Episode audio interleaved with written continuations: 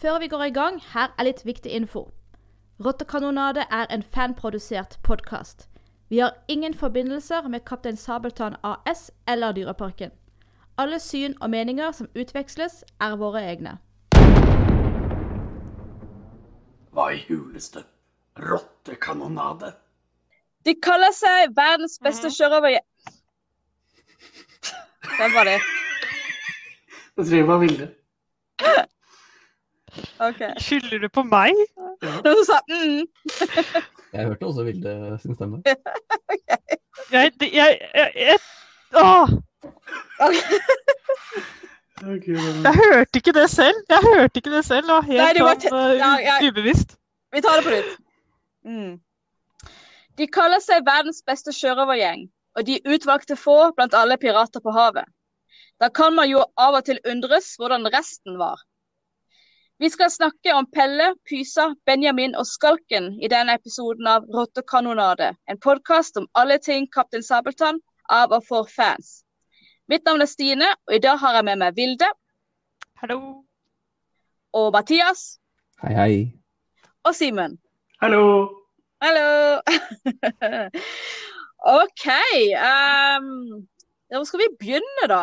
Jeg tenker kanskje at eh, vi skal starte med å ta det i den rekkefølgen som de blir eh, introdusert. Eh, høres ikke det greit ut? Mm. Ja. Ja. Og da må vi begynne med Pelle. Som dukker opp eh, faktisk i den aller første Kaptein Sabeltann-forestillinga i 1990. Hvor han er den så å si den eneste av Kaptein Sabeltanns eh, menn som er med. Hvis vi ser bort fra Pinky, da. Stemmer ikke det? Jo, han eh, kom i 1990 som den eh, Så vel på seg selv som litt sånn overordnet Pinky, kan vi se. Men han var kanskje ikke den smarteste av de to. Eh, men han kom da roende inn med Pinky og var sur og grinete og lei fordi å, han fikk så mye arbeid av Sabeltann, og han hadde ikke spist nok mat og alt mulig sånn. Han var da spilt av Ingolf Karinen, som er det, motsetning til forrige gang, nå har jeg regnet ut hvor mange år han spilte. Eh, For han er eh, virkelig kanskje den store legenden over alle legender, hvis du skal basere det på hvem som har spilt den samme rollen hvert eneste år. Eh, Det, han har spilt til Pelle i Pirat i 19 år. Eh, Hver kveld. Eh, Og også på dagtid. Så det var da fra 1990 til 2009. Ingolf Karlen var også stemmen i tegnefilmen. Han hadde også stemmen i noe videospill og sånn, så eh, han var veldig dekkende, da. Eh, Etter Pelle, etter, etter Pelle, vet du. Han er jo så Han er en ordentlig Pelle. Eh, Så var det Kai Kenneth Hansson som tok over den rollen i 2010. Og har da vært den rollen på kvelden fram til og med 2020. Eh, og i år så delte han eh, den eh, rollen med Henrik Borge. som var da den andre Pelle i årets to forskjellige scener med den figuren. I TV-serien så, altså, så ble jo Pelle og Pysa spilt av to brødre. Um, Kippersund heter de til etternavn. Um, og skal vi se, det er en til. Jo, det er stemmen i animasjonsfilmen som kom i fjor. Det var også en ny en, men nå finner jeg ikke den, han i notatene mine her. Hvor er det blitt av? Uh, skal vi se. Jo, Kristoffer Olsen hadde stemme på han. Mm. Så det tror jeg er alle de store verdt å nevne. Han ble jo spilt av en i Lama Rama, men eh, det navnet gidder jeg ikke engang huske, for han gjør jo ingenting annet enn å være en sånn kulisse i bakgrunnen. Uh, og ja, det Han har jo hatt si, sine dagtidsskuespillere også, uh, uten at eh, det er noe vits å gå inn på. Hvis vi skal gå tilbake til 1990, da, så må jeg liksom hente fram minnene jeg har for den sommeren. Fordi vi har jo nevnt før at jeg er den eneste som levde. uh, og jeg var til stede, og jeg kan huske den forestillinga. Eh, og der husker jeg at han var eh, dårlig med tall. Vi skulle jo telle opp eh, åtte skritt, og det, han klarte ikke å telle til åtte. Eh, at det var mye komikk rundt det. Men helt ærlig så kan jeg huske han faktisk liksom hakket mer kompetent den gangen enn det han fremstilles som nå. For det er blant annet en scene der hvor han skal um, lure Røben den Røben Du vet Ruben den røde i ett ord. Ruben den røde ut av senga, sånn at Pinky kan snike inn og stjele kartet. Hvor han bare later som han er en sånn stakkarslig fyr som har mista noen urter som han har kjøpt til sin syke mor. Eh, Og det gjør han faktisk rimelig greit. Han klarer i hvert fall å lure han ut og gjennomføre jobben. Så, så han fremsto som meg som litt sånn litt mer kompetent da enn han er nå. Men også den gangen liksom tropen på det her eh, dumme matdroget som er mest opptatt av få hvor neste måltid kommer fra, enn han er faktisk å jobbe. Ja, han, han ble jo også Altså, han, han var interessert i å jobbe den gangen. Han bare var grinete og ville vel bestemme selv og litt sånn. Eh, han ble jo introdusert litt som at han så veldig opp til Kaptein Sabeltann. Og de spilte på det når, når Sabeltann var til stede, så var Pelle veldig sånn Han hermet etter Sabeltann. Han jo, sa de samme tingene som Sabeltann gjorde etter at han hadde sagt det. og eh, De prøvde liksom å spille på det. Mm. Uh, Og det trekket beholdt de jo i andre forestillingen når Pysa kom og på en måte gjorde noe Ja, for Pysa kom jo i 94. Da var Pysa liksom den eh, Han tok litt rollen som Pink kanskje hadde hatt i forestillingen før i forhold til Pelle. At Pelle drev og sjefet Pysa rundt i stedet. Eh, og Pysa var mye mer underdanig enn eh, Pinky var, så Pelle ble jo, Pelles sjefetehet ble jo mye mer eh, fremtredende der. Eh, men eh, beholdt det trekket at han liksom hermet etter kapteinen og prøvde å være som kapteinen, da. Eh, spesielt mot Pysa. Men det er trekk som eh, etter det har, har forsvunnet, sakte, men sikkert. Eh, I tillegg til at eh, Pelle og Pysa jeg føler deres intelligens den eh, hopper, hopper litt opp og ned eh, etter, etter situasjonene. Eh, Pelle ble kanskje litt dummere når Pysa kom. Så ja. Ja, eh, vi kommer nærmere på Pysa etter hvert. Um, Det er vanskelig Men- å snakke om de, eh, om de vanskelig å snakke om bare den ene. det, er vans- Det blir litt ja, ja, to. Eh, kanskje litt vanskelig for det, men som sagt, jeg husker fire år hvor Pysa ikke eksisterte. For han, han, var ikke, han var ikke engang nevnt før han plutselig dukka opp. Ja. Eh, men det som er interessant ved Pelle de første årene, det er jo at han veldig tydelig ikke ønsker å være sjørøver. For han har jo veldig håp om å finne denne skatten, sånn at han ikke behøver å være sjørøver lenger. Han har en hel sang om det, hvis jeg, ikke, hvis jeg husker riktig. Mhm. Jo. Det har da 'Vi vil finne gull'. Ja. Det er en veldig fin sang. Som uh, utbroderer Pelle sine, sine intensjoner litt mer enn at uh, han bare er ute på å stjele gull for å stjele gull. Han har, uh, han har en plan bak det, på sin måte. Mm. Han vil pensjonere seg, som han har sagt. Ja. Med flott parykk og uniform og Og jenter med storm òg. Ja, vi vet jo dessverre hvordan det gikk. Um, ja. Men la oss da introdusere Pysa, som Ja. eh, jo er på mange måter blitt Pelles eh, bedre halvdel, verre halvdel, Uh, andre halvdel. Ja. Jeg er litt enig med det du sier, at, at liksom Pelle skal være den modigste av de, uten at det nødvendigvis gjør han veldig modig. Mens Pysa skal være den smarteste av de, selv om det ikke nødvendigvis gjør han veldig smart. Um, det er liksom min, min uh, oppfattelse av de to. Ja, han er spot on, det, syns jeg. Ja. Uh, det er jo, de er jo de, den der klassiske duoen på mange måter. Jeg føler jeg har sett de før i andre media, altså i andre historier og i andre filmer, og at jeg har sett like typer. Uh, de to første figurene jeg tenker på automatisk, er eh, Disney sin 101 dalmatinere. Eh, animasjonsfilmen fra 1960 et eller annet. Eh, der er det jo to skurker. Er en tykk en og en tynn en. Eh, de har litt lignende Husker jeg Jasper? Jesper? Nei, jeg husker ikke helt hva det heter. Klaus og. Jasper. Klaus og Jasper. De, har, de er jo annerledes, men de har litt den samme dynamikken. ikke sant? Han ene ser på seg selv som sjefen, og han andre er litt mer sånn forsiktig og kanskje litt smartere, men han blir liksom hakket ned på, da. Eh, så Pelle og Pisa er veldig klassiske figurer. Eh, og hvor var det jeg ville med dette nå? Eh, du sa et eller annet, Stine? Ja, jeg sa mye. Ja, ja. Eh, nei, det var en eller annen retning jeg ville her, som eh, nå forsvant helt. For nå så jeg bare for meg liksom og Pisa som i de, de, de skurkene fløyt under en annen tine. Ja, her, her er det jo i hvert fall ikke snakk om en tynn og en tjukk. Her er det Nei, jo to begge er Ja, han ene er jo bare De er tvillingbrødre. Han ene er bare noen minutter eldre, og, eh, så de er jo veldig like. Og de beskrives jo til å være som to dråper vann, og at eh, Mm. det er vanskelig å se forskjell på dem. Såpass vanskelig at til og med kaptein Sabeltann, som er så flink til alt, han klarer ikke å se forskjell på dem.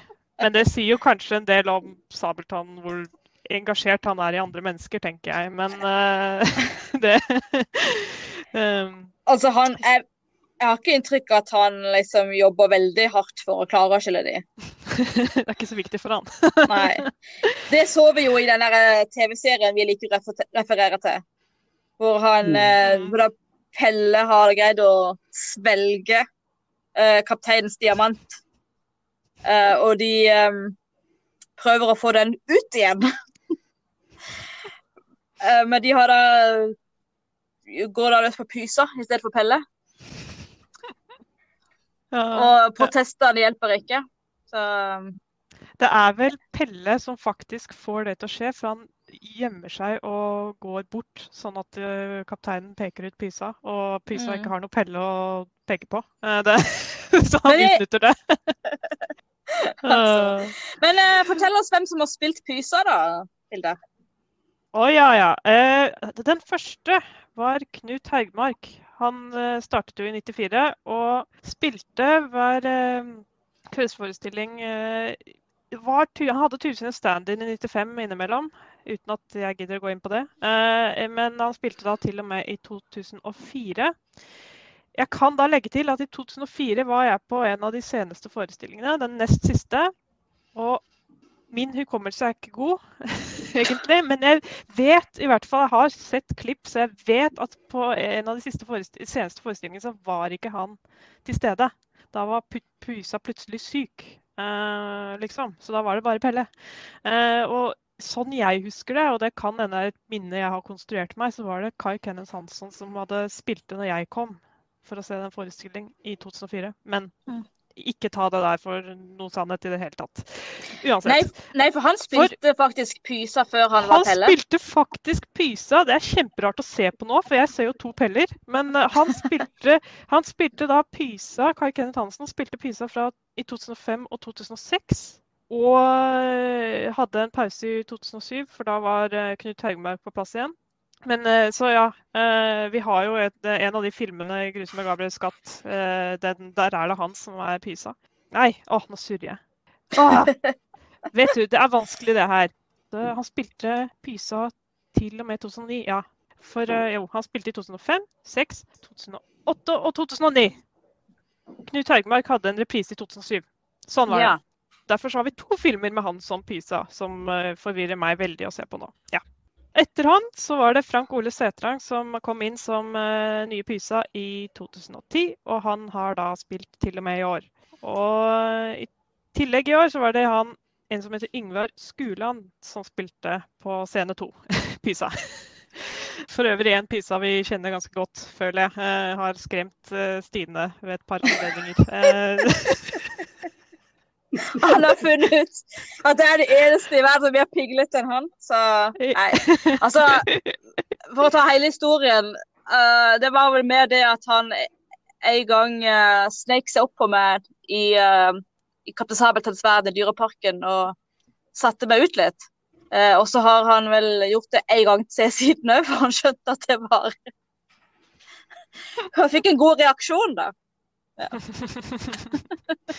Når Stine skvetter, det, da, da skvetter alle med. Det, det, er, det er en opplevelse. Eh, jo, og Pysa ble da eh, I animasjonsfilmen så var det en som het Jonas Urstad som hadde stemme på han. Eh, Knut Hørgmark hadde stemme på han i tegnefilmen. Og en, eh, et, vi sier tegnefilmen til tegnefilmen i 2003. Vi sier animasjonsfilmen til den som kom i fjor. Ja. Det kan være forvirrende, eh, kanskje, for noen. yes. Ja, gutter, har dere noe å bidra med? Ja, Mathias, vil du kanskje gå først? Nei, jeg har faktisk ikke noe å bidra med. Jeg synes det er av, av bildet. Det er alle tanker jeg har tenkt på er også presentert. Mm. Ja, jeg må egentlig si meg veldig enig der, for um, dette her er jo for så vidt nå bare en, en, en gjennomgang av forskjellige skuespillere. Så um, det er egentlig ikke så veldig mye mer å si der. De, de har jo alle klart å holde på på hvordan Pelle og Pysa skal spilles, synes jeg, i alle år. Så der, der igjen, Pelle og Pysa er for så vidt ikke veldig kompliserte karakterer å spille, egentlig. De, de, har, veldig, de har en veldig fin eh, grunnform som er veldig lett å sette seg inn i. Eh, og de har nok personlighetstrekk hver til at de kan stå på egne ben hver for seg. Så jeg syns de har godt, gjort en uh, veldig god jobb med det de har uh, fått å jobbe med, i hvert fall. Det kan jeg si. Jeg tenker, Du ser jo en del andre uh, filmer og sånn at, hvor de har bruker tvillinger. At de nesten blir en sånn én person, altså to som er to. Altså at de snakker i munnen på hverandre og gjør alt likt. og Det, det er jo ikke tilfellet med Pelle og Pysa. De er jo åpenbart to individer som har mm. akkurat nok, som vi var inne på, akkurat nok um, personlighetstrekk til at man kan skille dem fra hverandre hvis man kjenner universet godt. Ja, og jeg, jeg, vil jo legge til når det gjelder Pelopysa, det er at jeg sa at de er veldig sånne klassiske figurer du ofte ser i forskjellige variasjoner. Jeg kan lett se for meg sånne figurer blir veldig slitsomme og veldig barnslige på en veldig, veldig teit måte. Eh, Pelle syns jeg jevnt over blir liksom representert akkurat voksne nok for meg, for at de ikke blir så Altså, de er barnslige og de er veldig dumme, men at de, liksom, de blir ikke for dumme, hvis dere skjønner hva jeg mener mer troverdige enn mange av de andre figurene som ligner på dem i mm. forskjellige medier. De er jo veldig søte. de er sånn koselige. Og, eh, og, og, barna kjenner seg veldig godt igjen i dem. Der, mange gjør sikkert det, da, som har, har søsken. da. Den der eh, kjeklingen og kranglingen og hvem som er eh, sjefen over den andre og litt sånne ting.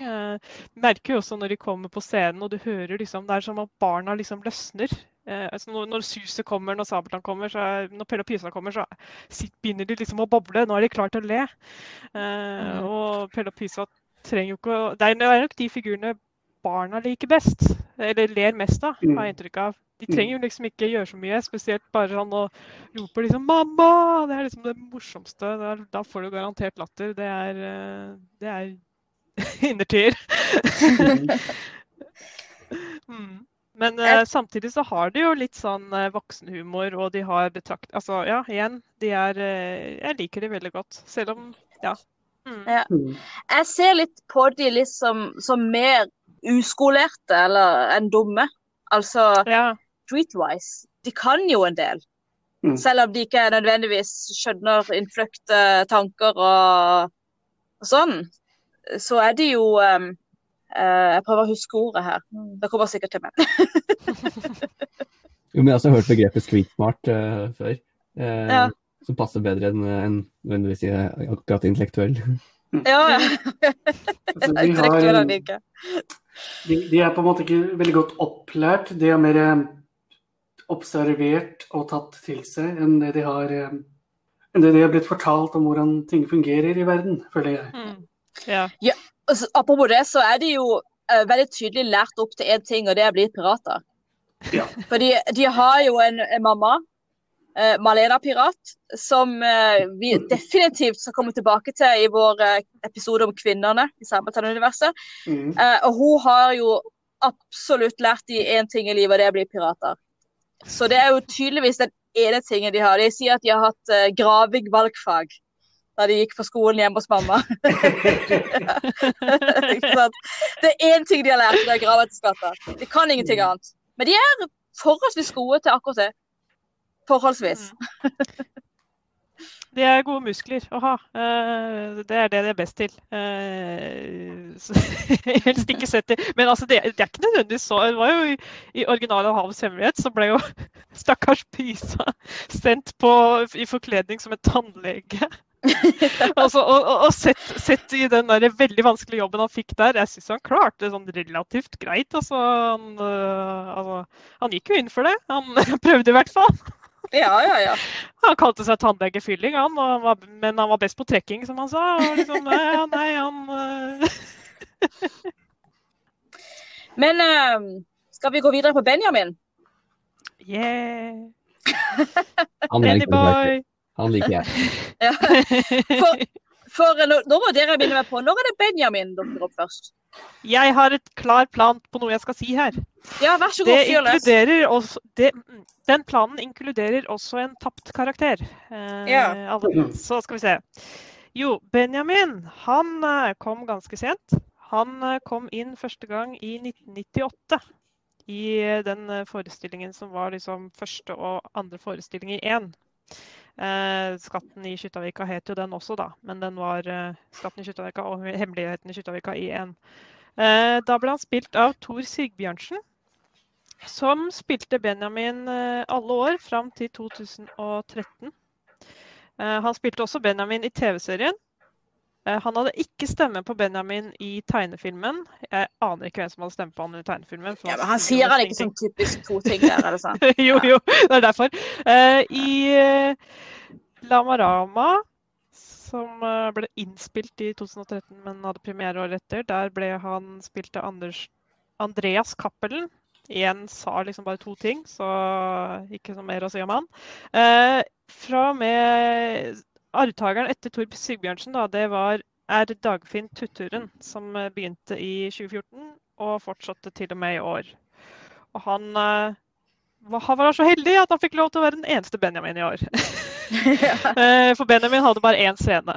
I tillegg så har Benjamin blitt litt brukt på dagtid det var noen år tilbake så ble han brukt av noen forskjellige skuespillere, og sånn, men ikke i noe stor grad. Ikke så ofte som Pelle Pysa og Langemann. De er liksom de faste. Mm. Også i animasjonsfilmen som kom ut i fjor, så ble han eh, Stemmen til Benjamin, det var da Trond Fausa Aurvåg. Og han regner jeg med er en av disse mer kjente som har vært borti en uh, Sabeltann-rolle. uh, Og så var det det at jeg sa den tapte karakteren inni her. For da Benjamin kom i 1998, så kom han ikke alene. Han kom sammen med en annen som het Odin. Og Odin antar vi er, var Benjamins bror. Så vidt jeg husker eller har fått med meg, så står det liksom ikke på svart og hvitt Odin er Benjamins bror, men vi tolker det sånn etter hvordan de ellers beskrives og ser ut. De beskrives som Pelle og Pysas rake motsetninger med sitt lange, tjafsete hår. Og, så de er lange og hengslete. Um, og begge har de krok. De er liksom ja, Pelle og Pysa motsetninger. Lange og tynne, og istedenfor øyelapp så har de krok. Det er så få bilder og klipp uh, jeg har kommet over fra 98-99. De virker som de var mer som bakgrunnsfigurer som bare gikk rundt og reagerte på ting, kanskje. Aner ikke. Uh, Benjamin så jo ut som han gjør i dag, bare at han hadde krok. Odin forsvant eh, etter årtusenskiftet. Dvs. Si han, eh, han var ikke med i Den forhekste øya. Da var Benjamin alene, og da hadde han grodd ut en hånd. Um, men eh, Odin var med i tegnefilmen. Han ble nevnt og var med Benjamin, og begge hadde krok. Eh, og han ble også illustrasjoner i noen aktivitetsblader. Kaptein Sabeltanns aktivitetsblad, som kom sånn tidlig fra 2000 og utover til sånn 2006. Han dukket opp i de tidligste bladene der, illustrert, i lag med Benjamin, og da med Krok. Så jeg tror det siste sånn det siste sånn stedet jeg har sett han uh, dukke opp sånn fysisk, var vel noe sånn den store Sabeltann-dagen i 2001 eller noe sånt. Uh, hvor han var på, med på noe sånn dagshow. Og han ble da spilt av Geir Atle Johnsen, som uh, mange da kanskje kjenner enda mye bedre som Greven av Gral i aller første oppsetningen av Den forhekste øya. Um, men tilbake til Benjamin, da.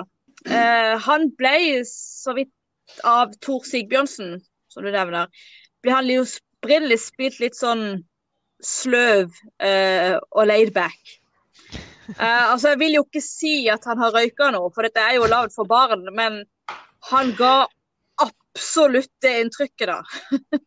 Vel, vi har jo hørt at uh, Terje Formoe har omtalt han som en gammel knarker. Uh, så uh, Og vi har jo vi har tullet med det. At Tor Simbjørnsen var en sånn avslappet og litt sånn treig Benjamin. Mens Dagfrid Tuturen, han er Benjamin på speed. Han er litt mer energisk og har mer furt i, furt i, furt i kroppen.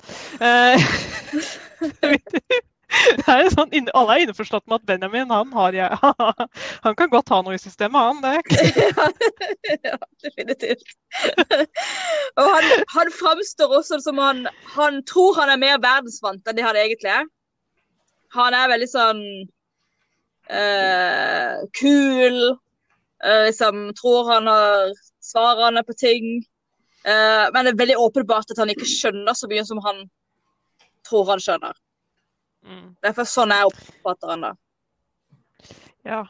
Nei, men jeg oppfatter han samtidig som smartere enn Pelle og Pysa. Ja, han, ikke det, nå, eh, nå, er ikke det så veldig vanskelig, men ja. ja. ja. han er smartere enn Pelle og Pysa. Jeg, jeg, har liksom sånn at han, han eh, Det er akkurat som når uh, han er den i mannskapet som har mest lyst til å være Langemann. Uh, det, det, er liksom det inntrykket jeg har. Eh, at mm. han er litt sånn ja, Akkurat som du snakker om at Pelle i den opprinnelige forestillinga gikk og gjentok alt det uh, Sabeltann sa og gjorde, så er jo uh, Benjamin går ut og gjentar og alt det Langemann gjør. Uh, litt sånn, og, og, liksom prøver å være, være Langemann. Uh, og det, det, er det som har gitt oss det inntrykket at han er uh, tredjekommanderende, selv om det har vel så vidt ikke slått fast noe sted. Nei, men han tar jo gjerne en litt sånn overordnet rolle når han er plassert sammen med bare Pell og Pysa. Han skal liksom showe off og vise dem og sånne ting. Han kan være litt mer kompetent, han kan være dummere. Han kan liksom være der det passer han. mm. Nå da, Mathias, er det noe du vil si om Benjamin? Jeg gikk alltid på at han er, jeg syns han er den kuleste av de alle. En ordentlig avslappet som bringer noen artig comic relief, ikke bare sånn eh, nødvendigvis kranglefant, men, men, litt mer sånn eh, komme med noe god humor, eh, noe artig småkommentarer som er litt mer eh, plukke opp bare for voksne, f.eks. Og eh, litt mer voksenvitser er noe som eh, tillates eh, av han til å bli sagt, og foreldre skal le og sånn. Sånn er kjempemorsom. Det er interessant at han ble også introdusert sammen med Odin, egentlig, for det er kanskje jeg som ser litt mer system enn det det egentlig er. Men eh, jeg syns det er litt artig hvor det ser ut som pirater ofte blir introdusert i duo. Selvfølgelig uten Pelle, som først kom alene, men som fikk pysa. Og så kom da eh, Benjamin og Odin. men så kom jo også Hugin og Munin, som også var en liten piratduo som eksisterte bare i, bare i Gabriels katt. så hva har inntrykket inntrykk av? Um, ja, uh, Gabriels katt Nei. Um Nei, de Nei, er dagtids... Nei, de har uh, eksistert på utsiden. utsiden. I sollyset. Uh, de var sånn gjøglere. Ja, de var sånn gjøglere. OK, for det var ikke de to som var de to, Det var jo to ekstra pirater som dukket opp i første versjon av Gabriels katt? På, eller det som satt opp uh, Gladgorm har jo to menn. Ja. Et år så fikk han en ekstramann. Ja, men det er ikke, det er ikke Gladegården jeg tenker på, for det var to ekstra pirater som ikke tilhørte Gladegården, som dukket opp uh, der. Ja, ja, men de har ikke noe navn, da. De er bare sånne pirater som er der. Å, det var ikke uh, okay, Jeg trodde det var Hugin. Nei, ja. Det, det, har vært veldig mange pirater oppi igjennom. Ja. Ja, ja. Men det, de, har, de, har, ikke noe navn i suvenirprogrammet, derav har de ikke noe navn. Er sånn. Fordi I senere årene så har f.eks. disse danserne figurene deres har fått navn. I, husker ikke navnet nå, men de har fått navn, faktisk. Men uh, De er eh, Lek og Lodin og et eller annet annet navn på L. Var det Loke? Ja. Lek og Loke og Lodin.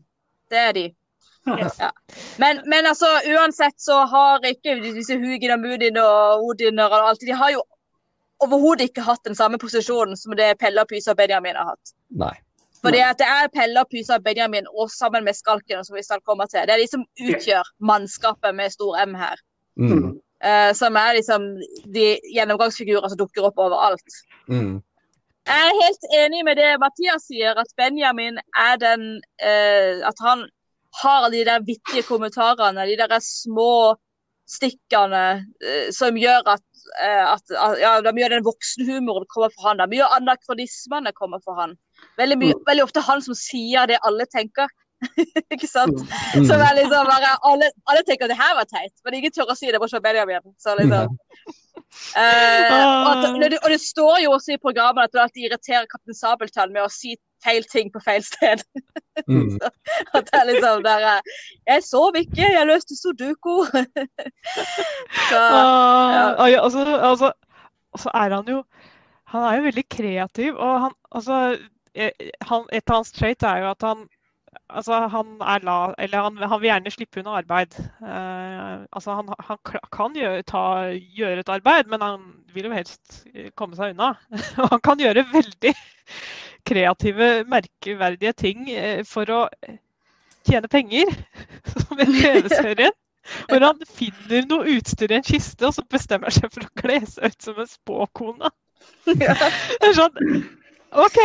Han, han, han, altså, han har noen veldig sånne rare Han prøver å lure Pinky og Ravn til å gjøre oppgavene for seg og sånn. Han er veldig sånn han, han finner på veldig innfløkte, merkelige greier for å slippe å gjøre akkurat den jobben han ikke vil gjøre.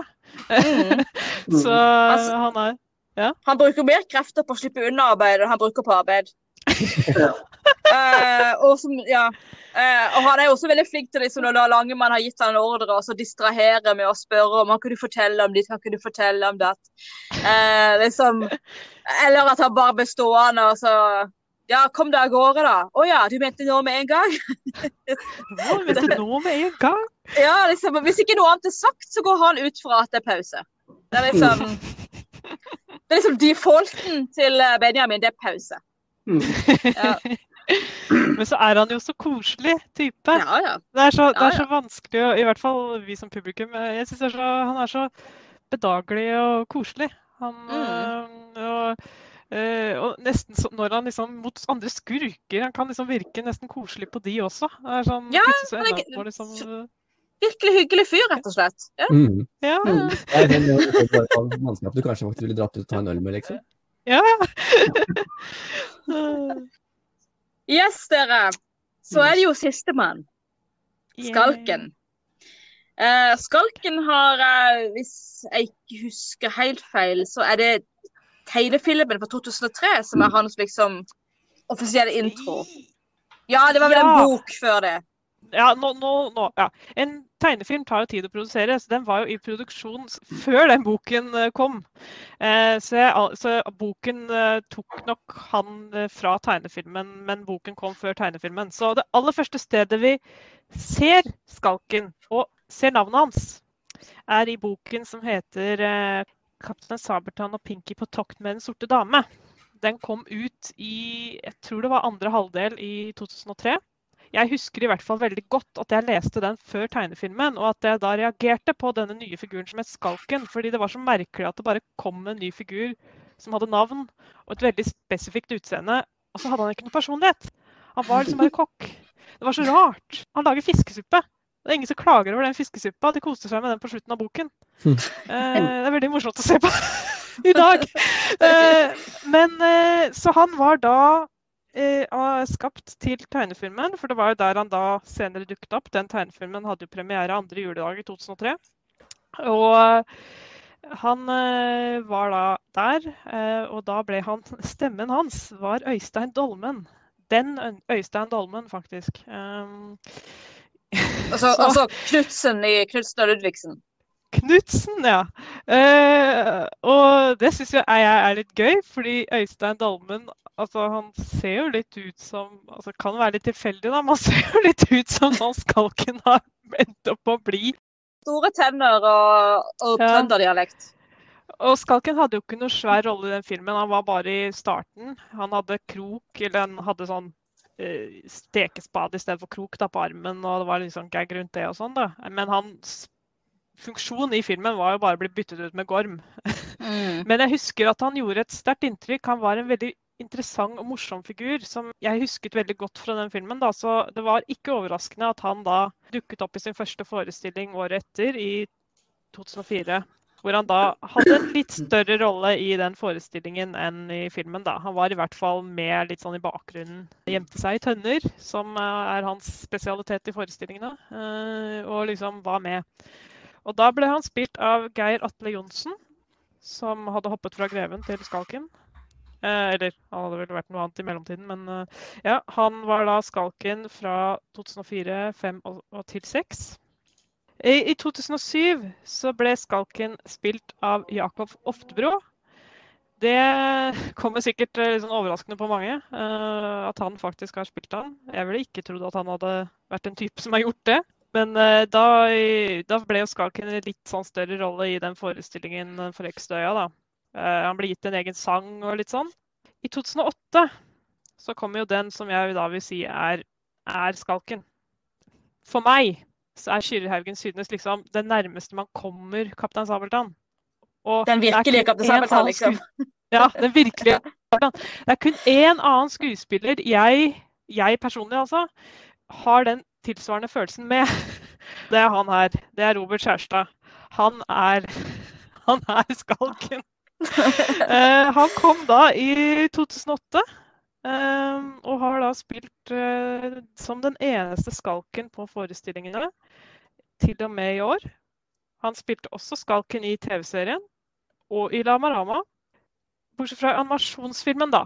Da ble ikke skalken da, gitt Da var det ikke Robert. Da var det en som heter eh, Jan Martin Johnsen. Eh, kan vi legge til at Jan Martin Johnsen er en trønder, da. Akkurat som Øystein Dolmen, da. Så, mm, så det, er liksom, det, det, er den første og den siste skalken så langt som har vært av ekte trøndere. De andre har vært sånn Yes. liksom Robert Kjærstad er vel øst, østlending, egentlig. Så Skalken er jo den nyeste i den stokken her. Yngstemann. Ja, og samtidig så ser jo jeg på meg, takket være Robert Kjærstad, ser jeg på meg som en sånn litt eldre type. Selv om det aldri er spesifisert noe sted at Skalken er en liksom litt, litt, eldre mann. da. Han, da han ble spilt av Jakob Oftebro, var han jo pur ung, f.eks. Og Atle, Geir Atle Johnsen sin versjon var også en forholdsvis ung Skalken. Men jeg har liksom alltid sett for meg Skalken som en sånn grånende, litt eldre type, da.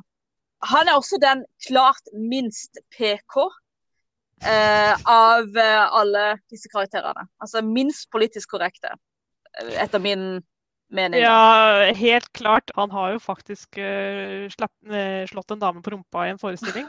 Eh, det, det, er helt sant. Eh, det var en gag i 2012. Eh, det kommer vel ikke til å skje igjen. Men han, han er jo gjerne en Han er, tar litt sånn samme ty type som Benjamin, at han kommer med litt sånn voksen humor eller litt sånn, men han, han, han sklir mer ut i det er litt mer eh, ikke PK, da, som du sier. Han, han er litt drøyere når han først uh, tuller den veien. og skalken, det har vi snakket om mange ganger. Skalken, akkurat som Benjamin, virker som han har noe i systemet. Skalken virker som han har noe annet i systemet. Han er, fremstår jo litt sånn Han har litt sånn rødende nese og er litt sånn vinglete i måten han går på. Litt. Så la oss bare komme rett saken. Han, han er drita. Han er drita full. Og vi sier det jo ikke fordi at det er en barneforestilling og man skal jo ikke tulle med alkoholisme, men altså, for meg er det opplevd at han er drita full. Og, de, og, i tegnefilmen fra 2003 er det ikke skjult på det engang. Der er han så full at, at, Pinky må dra han opp eh, landganger for å få han liksom bord i skuta. Ja, det, er, altså, det... det er for så vidt en ting de har tatt med videre til forestillingsversjonen av 'Grusomme Gabriels skatt'. Hvor de da kommer ut av Sjørøverkroa, og skalken er veldig tydelig beruset. Ja. Jeg så på sånn de liksom dytter han med huet ned i ei tønne liksom for han får edru igjen. Og, ja, det, ja, ja. Altså, ja.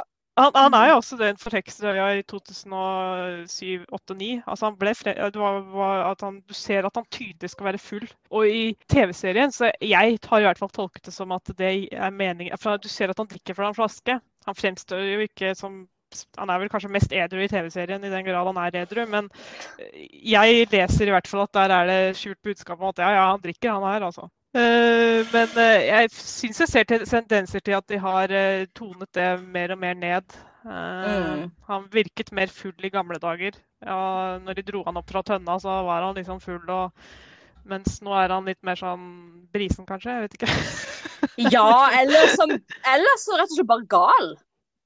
For det er jo liksom på ja. den, ja, for det er liksom på det andre, den, den andre teorien jeg har, at han rett og slett er litt gæren. Altså at han, at vi, snakker jo om at han, han er jo den eneste som bryter den fjerde veggen. Altså den eneste som, som i hvert fall som forestillingen er nå, den eneste som, som direkte henvender seg til publikum. Eh, og at vi, vi eller det vil si du, Vilde, hadde en teori om at det er liksom fordi han hører stemmene. Ja. Så han liksom kommuniserer med oss disse her stemmene i hodet som, som forteller han ting og sånn. Jeg merker jo også at det, begge de greiene der blir lite PK nå. ikke sant? Man skal ikke gjøre narr av øh, psykiske lidelser, man skal ikke gjøre narr av alkoholisme og sånne ting. Men øh, jeg oppfatter jo han som en figur som har Det er noe psykisk uh, ustabilt hos han. altså er, han, han, han kobler ikke helt virkeligheten. og se, for, for han fremstår jo også som Til tross for det at han, han er jo ikke dum. Han er jo, vi, Det har vi sagt at, mange ganger. at vi vi, han er jo egentlig en av de mest smarteste og mest kompetente på en måte, i, i, bortsett fra Langemann, da. Med tanke på Mm. alt han Mm. gjør. Og alt han for, liksom, Ikke sånn at han får sparken, han får ikke lov til å være med dit de skal. OK, ja, men han finner en tønne, og han klarer å ro med den. Hele, altså, I alle dager, ro med en tønne hele veien etter skutt, den sorte dame og komme seg dit eh, de andre er, liksom. Og eh, han sniker rundt og får med seg ting. og, eh, og Ja, liksom- ikke minst det at han, ikke minst det at han liksom gjennomskuer ting. Han skjønner veldig fort hvordan ting henger sammen. Mm. Hvem det er som lurer hvem, og hvor ting ligger gjemt. og hvor det, ikke sant? Så han, han er jo egentlig, som, som du sier, kjempekompetent. Altså, han, er- han er det, men bortsett fra når det gjelder å være kokk, for der er, der er han ikke kompetent. Men han er jo den beste undercoveren de har. Mm. By far. Altså, altså er angivelig Langemann kjempegod på det, men det får vi aldri sett. Men uh, Skalken er by far den beste de har hatt. Som har vist seg fram, da, undercover. Han er jo undercover, eller var i hvert fall i Havets hemmelighet. Ja, altså han, Eh, han- han er jo undercover default, liksom. Det er, han er en sånn ubetydelig figur som folk bare rett overser. For han virker jo Mm. veldig ufarlig. Og han virker jo gæren på skurker og sånn, så det er litt sånn, de gidder liksom ikke å gi han for mye oppmerksomhet, får jeg inntrykk av. Uh, Mm. men han er jo Ja, så han er jo så besatt av dette, dette ene prosjektet sitt, som er at han lever på den illusjonen om at han er kjempegod til å lage mat. Uh, Mm. Så, det, er- så det, er, det er jo helt klart noe som ikke funker i hodet hans. Nei, Mm. og det er også hans eneste motivasjon. Han liksom sånn der, eh, De andre vil finne gull og finne skatter, for, sånn, men han, han vil bare finne skatten sånn at han kan gi den til kapteinen, så kapteinen tar han tilbake som kokk. Fordi det eneste motivasjonen han har, det er å lage mat for kapteinen. Mm. Alt det andre handler bare om å liksom blidgjøre kapteinen så han kan lage mat for han. Og det, det er han som ordner den gylne tiger, det er han som ordner den magiske diamanten. Det er sånn, Bare for at han skal få lov til å lage mat. Mm. For det virker som om Skalkens eneste um, endemål er å få um, uh, Hva heter den? Han skal få um, bli, bli akseptert av kaptein Sabeltann. Han skal få anerkjennelse av kaptein Mm. Sabeltann. Det er hans endemål. Ja, men anerkjennelse som kokk Jepp. Han burde Ja. lære seg at det er dessverre sånn her i livet at alle kan ikke bli akkurat det de ønsker seg. Han er så ukuelig optimistisk når det gjelder det der. Han er jo ikke, han er jo ikke nødvendigvis sånn ekstremt Altså, han, han, han har jo følelser. Han blir, altså, han blir jo veldig lei seg de gangene, noen ganger når han liksom har fått sparken. Og var det i fjor han ble helt sånn der knust, liksom la seg som en Mhm. død rotte på bakken. Skikkelig sånn dødsskrik. Var helt sånn han hadde fått sparken. Eh, og i TV-serien så ble han jo veldig redd og lei seg når det virket som han holdt på å miste jobben og sånn. Så det er veldig mm. viktig for han dette. Men eh, så på den ene siden så er han kjempe sånn optimistisk og helt sånn ukuelig tro på seg selv, men han blir også veldig fortvila når, eh, når dette ene han bryr seg om, eh, blir tatt fra han, eller holder på å bli Mm. tatt fra han. Mm. Så Men det er, det er veldig interessant for meg, syns jeg, at, at det er et eller annet dypt der inne i den trange nøtta på han.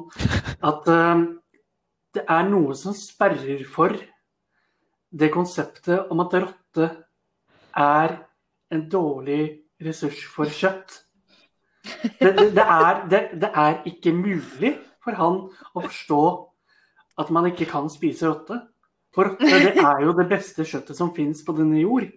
Ja. Hva, hva, er det alle andre er så opptatt av angående dette her? Hvorfor kan ikke de forstå dette? Det, det, er, det, det syns jeg er ekstremt fascinerende ved skalken. Måten han tenker eh, på akkurat dette her. Hvor, hvor utrolig innbrent i psyken hans akkurat dette her er. Til tross for konstante tilbakemeldinger om at dette her er det verste griseri jeg noensinne har smakt. Hva i helvete er galt med deg? ja, ikke sant. Og han tar det aldri til seg. Han bare Du kjenner ikke god nok mat når du har smakt det, vet du. Nei, altså, altså Jeg vil ikke si at det, det er ikke optimisme engang. Det er sånn ren eh, Altså, det er bare fantasier. Han er ikke til stede i virkeligheten i det hele tatt når det gjelder det der. Det er Mm. åpenbart. Det er jo sånn i TV-serier at liksom man blir jo kjeppjager fra lagmanns hus med pistol. Altså lagmann kommer til med pistolen og jager han av gårde fordi han liksom han skal ha det smake på rottegrateng. Og det er liksom bare Han har ikke så god selvinnsikt. Han tror jo også at eh, Rosa er veldig interessert i han når han misforstår det der kjærlighetsbrevet til å være til han. Ja. Og han, og jo, og dette må vi jo si da, han er jo den eneste Den der flørtingen med Miriam. Han er jo, han er, altså han er jo, han er jo en flørt òg, når han vil være det. Han er eneste av de gutta med draget. Altså jeg er bort fra Langemann. Så Eh, så, det, det, det tror og jeg, ja, det er vel det at han har selvtillit, da. Ja, nok til å si det. Det er den selvtilliten. At er mm. sånn eh, valser inn, og så blir hun litt grann sånn satt ut av det, og så blir hun litt sjarmert av det. Miriam, tror jeg. For, han, for det er sant nok med Skalken, han er veldig sjarmerende. Mm. Altså, han er jo eh, Han er jo søt. Altså, hvis han er litt Ja, hvis han er eh, Ja, nei, altså eh, TV-serien er en nydelig sånn styggsøt med litt sånn snørr ut av nesa liksom det håret og liksom, altså, ja, men jeg Når jeg teg, har tegnet han, da, så tenker jeg at å, han er jo, han er jo ganske søt. Han er sånn bitte Mm. liten, uh, nusselig uh, Og så når han du kommenterte det en gang, Stine, på et sånt bilde fra noen sånne prøver på forestillingene hvor eh, Robert da var liksom skalken undercover. Så han var liksom han var sånn halvveis påkledd med det der undercover-utstyret. Og da ikke helt sånn sminket som skalken, så da så han jo liksom pen og ren ut. så da sa du vel liksom Å ja, skalken, han eh, eh, he, oh, han, han, han, han Cleans up good. Ja. Ja. Og det, det, og det gjør det jo så i filmen, altså Lamarama, så er han jo også cleaned up litt. Grann. Mm. Han er jo ikke så uh, uappetittlig der. Det er, og det er igjen, vi synes vi, Jeg syns vi hakker sånn løs på den filmen, men det er så trist at Robert er han der. Fordi Skalken gjør jo ikke noe særlig ut av seg der heller. Eh, Nei. det er litt sånn eh, For Mm. jeg har jo det litt sånn samme greia med Robert som jeg har med Kyrre. At jeg kjenner liksom, nesten litt sånn fysisk vondt inni meg når jeg bare sånn vet den overgangen eventuelt kommer. Den der med ny skuespiller, eh, Mm. liksom. For det er sånn eh, Ja, det Vil liksom ha, ha han bevart, da. Um. Mm. Det igjen, eh, når det kommer til dette med Lamarama, det som plager meg mest med eh, Robert som skalken i Lamarama, er det at originalt så skulle skalken ha et, eh, et sideplott i denne filmen. For han Mm. skulle jo faktisk infiltrere Lamarama, han også. Men ja. på grunn av eh, konflikter med, med bl.a. Uh, Lillyhammer, så gikk ikke det opp for uh, Robert. Så det ble dessverre ikke slik. Nei, og Det forklarer jo litt hvorfor han, eh, det der plotthullet der bare forsvinner. Mm. For han, Han han er jo om bord i sku, ja, han i skuta, og så går de i land på Lamarama, kaptein Sabeltann og mannskapet, det har han ikke med. Og så er ungene igjen alene på skuta. Og så er liksom, så er det sånn hel eh, periode der hvor skalken ikke er noe steder. Mm. Eh, og det er jo antagelig der hvor han var ment å skulle fyke rundt inn i det der eh, slottet, da. Hvis jeg har skjønt det riktig. Ja, men uansett, disse fire, eh, Pelle og Pysa og Benjamin og Skalken Jeg nå glemte jeg å spørre deg Mathias, så du ville si noe om Skalken.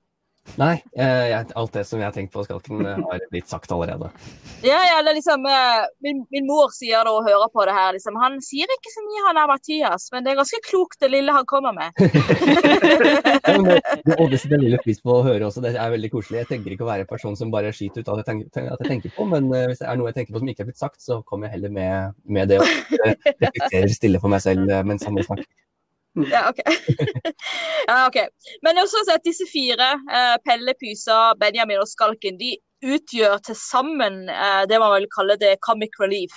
Som er på de, de komiske innslagene som skal liksom skape lett stemning uh, innimellom alt skumle. Uh, og min og Jeg gjorde, gjorde meg en liten tanke da jeg satt og gjorde notater her tidligere. Det er jo at de er jo, om ikke annet, kompetente sjømenn. De klarer jo å kjøre den skuta. Ja, bortsett fra en gang de krasja i Sjørøvergrillen. men, men ellers så, så har de jo eh, Så, de, så som sjøfolk eh, så må de jo ha en viss kompetanse. Har de ikke det? Jo, eh, men jeg får jo De fremstilles jo som eh, kompetente. De er ikke sånn som jeg sa det med Per og Pysa, men det gjelder jo hele gjengen.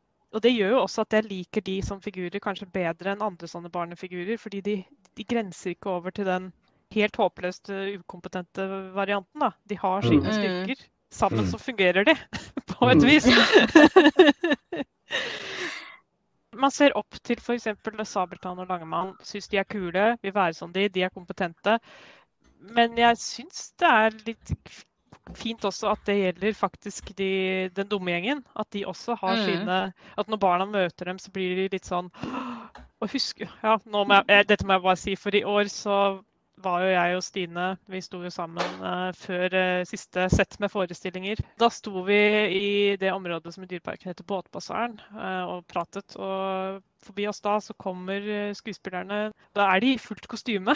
Det går liksom bare gjennom eh, folkemengden sånn, eh, og da kommer jo skalkentuslene, ikke sant. Og sånn, veldig sånn bedagelig, rolig tempo. Og så ser vi at en liten unge går opp ved siden av han, og så står tusler de sammen da, mens det er en sånn samtale på gang. da. Uh, Mm. Og da Altså ja, han Skalken er en sånn teit, morsom figur, men jeg vet ikke. Den ungen, da er han jo liksom noe noe, noe En helt, på en måte, da, kanskje. Nei, men de uansett, de er en herlig gjeng. eh, og et, Mm. eh, de er verdens beste sjørøvergjeng. De Og er det det. er jo, har vi jo fått bevist. Lama Rama. Se Lama Rama, du skjønner hvorfor vi trenger den gjengen her. Mm. Ja. unnskyld, Det- unnskyld filmen. Ja, jeg er glad i den filmen, men ja, det, det, det er også ikke Ja. Så klarer de å fungere, selv om de er så litt sånn halvveis inkompetente alle sammen. Selv om de har mye kvaliteter, så er det liksom den sterke lederen og så eh, gode, som er da Sabeltann, og gode limet som eh, holder det sammen, som er Langemann, og så en gjeng uslepne diamanter som eh, Mm. får det til på en eller annen måte. Vi snakket jo litt tidligere om hvorfor i all verden ikke Langemann tok, hadde liksom tatt kontroll over, over dette eh, Kall det imperiet av, av sjørøvervirksomhet. Eh, Mhm. og hvorfor kanskje ikke Sabeltann nødvendigvis har noen flinkere folk rundt seg. Mm. Uh, og det får meg liksom, jeg har tenkt bitte litt, jeg lurer på det er bare fordi Sabeltann er en så helt ræva sjef.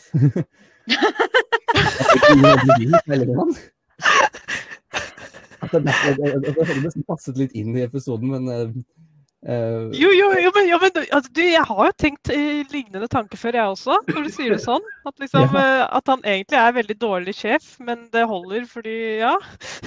Langemann er er, er jo Langemann, og, og det kommer jo litt på at altså, jeg, jeg tenker på, igjen det litt historiske, da, sånn generelt sett med andre sjørøverkapteiner var jo mye mer demokratisk enn det kaptein Sabeltann er. At han er og behandler jo mannskapet sitt som dritt. Eh, Mm. Uh, at det sikkert derfor ingen andre helt, helt uh, gidder. At Langebanen er den eneste, eneste som gidder bare fordi han er lojal. Det er litt mer jekkete med Sabeltann hadde kanskje ført til at andre sjørøvere rundt i verden hadde kanskje vært med på laget hans. Det de, be de, de er ikke verdens beste sjørøvergjeng, men de var de beste han kunne finne.